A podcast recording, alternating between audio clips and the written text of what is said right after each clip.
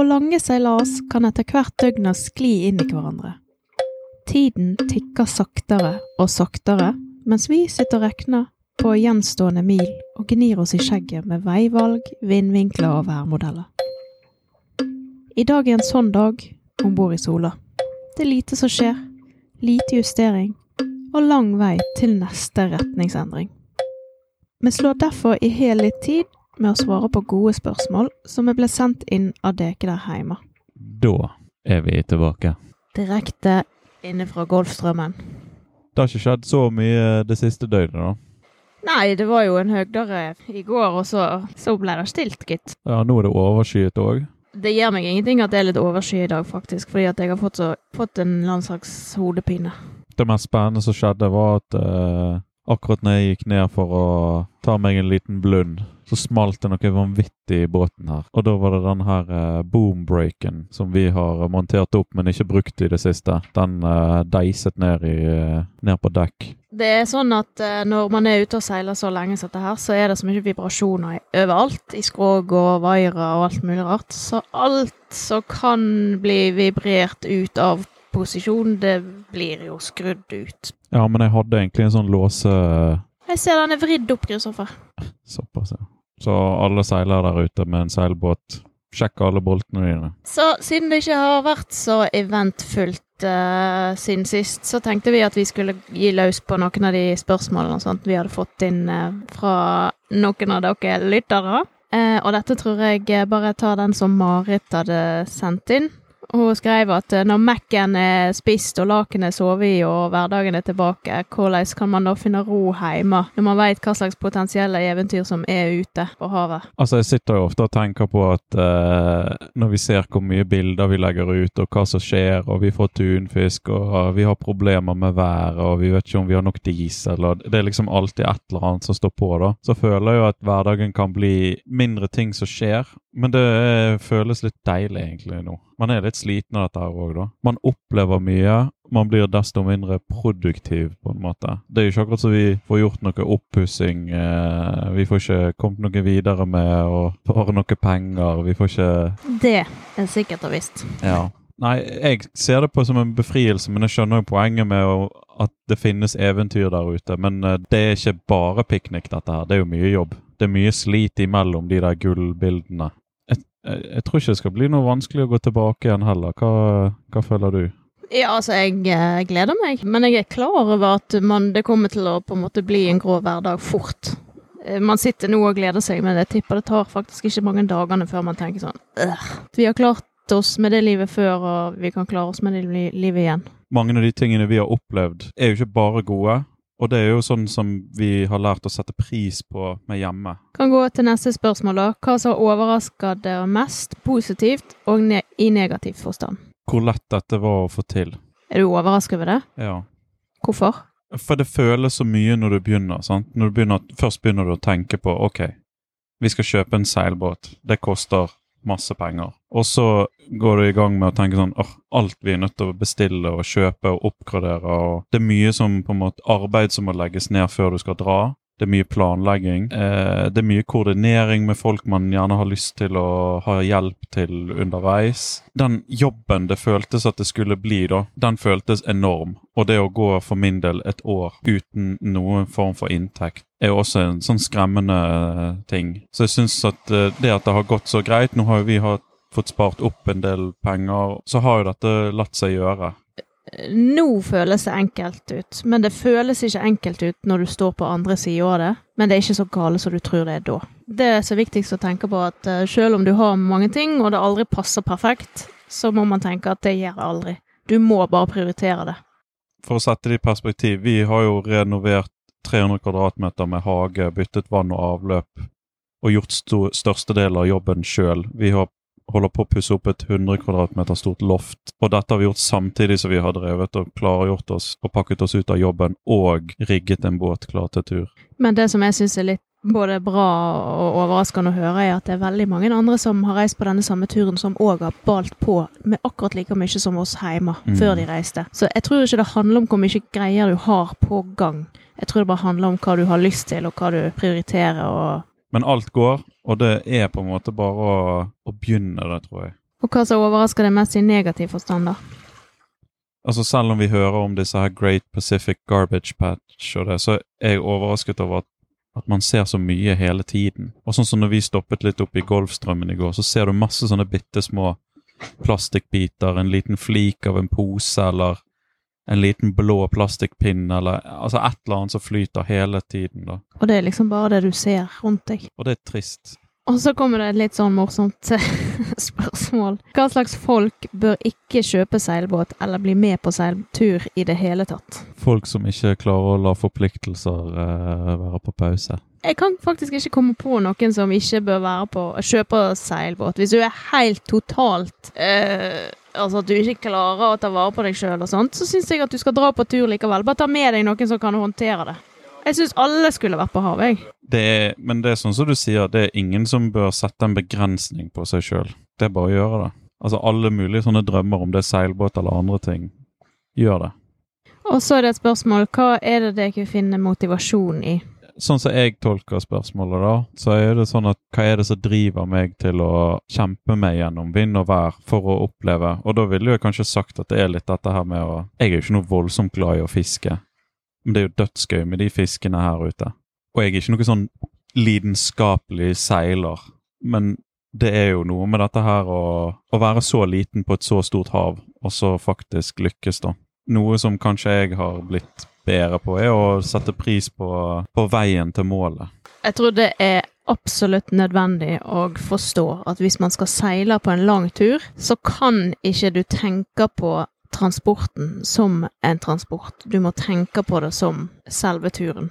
Du må kunne slappe av, og det husker jeg at jeg tenkte før vi begynte, at vi, vi er bare nødt til å øve oss og slappe av under seilas, fordi at når vi hadde disse, hva skal man kalle det, småturene våre til Kragerø, så var det ganske intensivt for oss på det tidspunktet å, å seile dit, og det var ikke noe sånn kos, noe særlig kos når vi var rundt eh, Jærens rev eller rundt Lindesnes. Det var fint vær og alt, men det var så store bølger og så mye vind, og vi ville bare inn i havn. Og da kunne vi slappe av. Men sånn går det ikke an. Det går ikke an å ha det sånn. Så det er faktisk helt sant at, uh, at du må kunne bare kose deg med det som skjer, selv om du egentlig er på vei en plass og har en destinasjon. Men der kommer jo tidsaspektet inn. sant? At Når man er i Norge, så har man gjerne en tre ukers sommerferie. og så F.eks. For, for oss til Kragerø så er jo transportetappen uh, tre-fire dager. Ja, men vi burde ha kost oss på veien òg. Ikke bare, for da har jo vi i prinsippet mista tre-fire dager med ferie, vi. Mm. På grunn av at det er et styr. Mens mm. hvis vi hadde evna på det tidspunktet å kose oss med det òg, mm. så hadde vi fått en lengre sommerferie.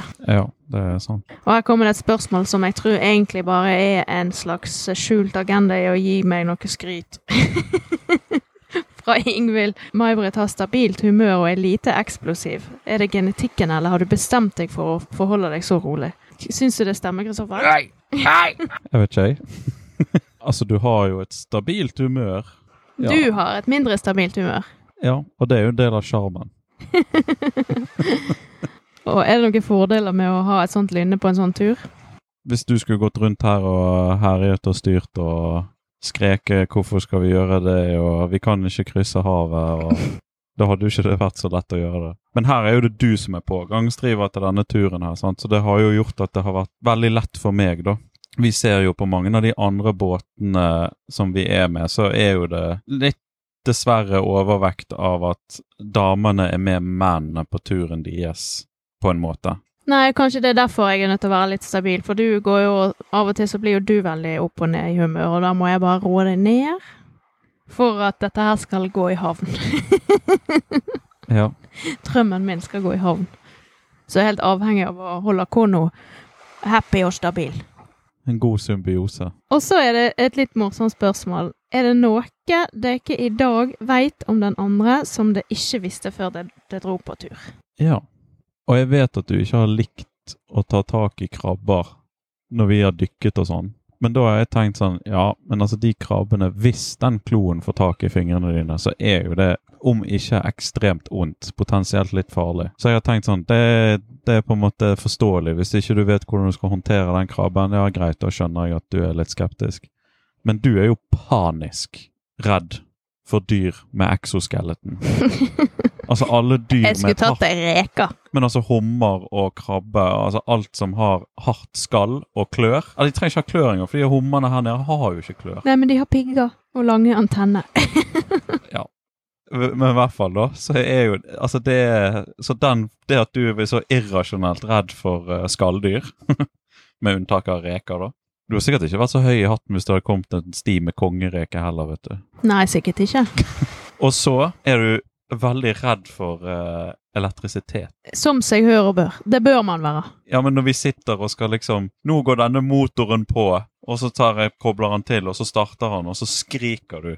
Du, du glemmer å fortelle hvorfor motoren går på. Fordi vi, vi holder i ledningene direkte på et jækla svært batteri her nede, Kristoffer. Ja, men det Og, er og jeg har sett hva som skjer med det batteriet når du driver og svinger deg der nede og ikke tenker deg om. Da eksploderer det. Det er krabbegreiene, det skal jeg ærlig innrømme er, er irrasjonelt og rart. Det syns jeg sjøl òg, og det har jeg lyst til å gjøre noe med. Men det batterigreiene, der står jeg på mitt. Det skal du være redd for. Ja, du skal respektere det, men når vi sitter helt kontrollert og bare venter på at motoren skal begynne når vi kobler den til, og han gjør det, så trenger ikke vi Altså, jeg hoppet jo ut av mitt gode skinn. Jeg trodde jo noe gikk ordentlig gale, og så skjedde egentlig bare det som skulle skje. Så du er redd, du òg. Jeg jeg er redd av din paniske reaksjon, ja. Så det er de tingene du vet om meg nå, som du ikke visste før. Ja, vi har jo kjent hverandre i mange år og kjenner hverandre ganske godt. Jeg vil jo påstå at vi er flinke å snakke sammen og Ja, for jeg har ikke noen sånne klare ting som jeg veit om, uh, vet om deg nå som jeg ikke visste før. Det er et par ting jeg har funnet ut av nå, som jeg har hatt hint av før. Og det er for eksempel, for Kristoffer snakker jo om ting som om at han er 100% sikker på at det er tilfellet og det er korrekt. Og jeg har jo veldig mange ganger gått i fella av å tro at det er korrekt da. Men jeg har lært meg, og du har ofte rett, Kristoffer, det er ikke det jeg sier. Det er bare det at av og til, og det har jeg merka på denne turen, når du prater med en sånn rak rygg og skråsikkerhet, så har jeg lært meg at hvis du bare eh, gir han litt tid nå, og et par hint av eh, den egentlige sannheten, så kan det hende det snur. at det du sier i første omgang, er ikke så brennsikkert. Er det ingenting du liksom tenker at uh, dette var overraskende? Ikke sånn veldig overraskende, men jeg har jo òg lært at så når det skjer litt sånn halvskumle ting og sånt, så øh, står jo du ganske greit i det, da. Du blir jo ikke redd, og det er jo eh, ganske hjelpsomt for meg òg. Og det har jeg kanskje ikke Vi har kanskje ikke vært i sånne situasjoner der du har fått muligheten til å vise det, da. Sånn som for eksempel eh, ble jeg vekt en morgen eller en natt av en sånn helsikes plystring. Og så kikker jeg ut, og så ser jeg Kristoffer står eh, våt som ei kirkerotte ved roret i lyn og torden, og det bare blinker. og så tenker jeg sånn, OK. Så går jeg opp og tenker nå, nå går det galt. Og så spør jeg sånn, ja, går det bra? Ja da, det, det går bra, altså. Du må bare dra i et tau. Ja. ja, men det hjelper jo liksom ikke å Nei, få panikk. Jeg er helt enig. Og jeg er veldig glad for det, for det, da trenger ikke jeg heller uh, få panikk. Så det er fint. Ja, men det var jo en positiv overraskelse. Ja da. Var ikke det positivt overraskende at jeg er redd for krabber, da? Jo, for da kan, da kan jeg vise at jeg er alfa, og så kan jeg håndtere de. Det er jo ikke det som skjer. Jeg, jeg blir jo helt vill etter eksponeringsterapi. Ja, og så får vi aldri spist. Jeg tar i det til slutt. Ja da. Jeg har tatt flere krabber og humre. Ja da. Vi har brukt mye tid på det, da. Ja, men jeg tror det er viktig, jeg. Ja, for hva annet? Vi har snakket jo om eksponeringsterapi eh, på noe annet, og så sa vi at det funker jo. VF-en. Det var VF-en. At vi opplevde at begge to var nølende til å bruke VHF-en eh, i Norge. Og den er jo helt stille i Norge. Det er jo ingen som sier noe der, med mindre det er mayday, mayday, mayday. Så, eh, så det har vi lært å bruke den. Og da sa du for noen dager siden at der har eksponeringsterapi hjulpet. Ja. Det hjelper på alt. Ja. Og så er det et spørsmål som heter På hvilke områder har det utvikla deg mest på turen? Jeg har alltid visst om det, at, uh, at man skal prøve å ha ikke for mange jern i ilden samtidig. Jeg har alltid liksom, Når vi har vært hjemme og holdt på med ting, så har jeg sagt sånn Jeg har ikke lyst til å begynne på det prosjektet før vi er ferdig med det prosjektet. Så, men så fases det over til at man begynner på et eller annet allikevel, og så dukker det opp noe uforutsett, og så begynner du på det, og så plutselig har du liksom tre-fire kanskje ganske store ting som pågår samtidig. Men det er kanskje en ting jeg har praktisert mer på denne turen her. Det er sånn Jeg har en liste over masse ting som skal gjøres, men det er kun én ting som skal håndteres først. Og det tror jeg man blir veldig mye mer effektiv av. Og det har jeg dratt litt ut av denne turen. Kan, kanskje blitt flinkere å praktisere det jeg har tenkt, da. Vi får se når vi kommer hjem. Men Ja. Nei, for min del så er det at uh, kanskje det mest konkrete er at jeg har begynt å stupe. ja, det er sant. Fordi at jeg var så levende redd for å stupe fordi jeg har hatt en eh, dårlig skulder, så jeg tør ikke ta armen over hodet og ned i vann, for da er jeg så redd for hva som skal skje. Mens nå har jeg Og det er jo òg eksponeringsterapi, da. Men kanskje det der å, å stupe og ta backflip og sånt, er det som jeg har utvikla meg mest på. Ja, det er sant. Ja, backflip tørde jo du, og ikke jeg. Ja, du må bare eh, prøve. Tror jeg må ned noen kilo før jeg eh, Hvorfor det? Jeg vet ikke. Det kjennes ut som jeg er for uh, tung en eller annen plass. Jo høyere opp, jo enklere er det. Vel. Ja ja, i høyde, ja. Ja. ja.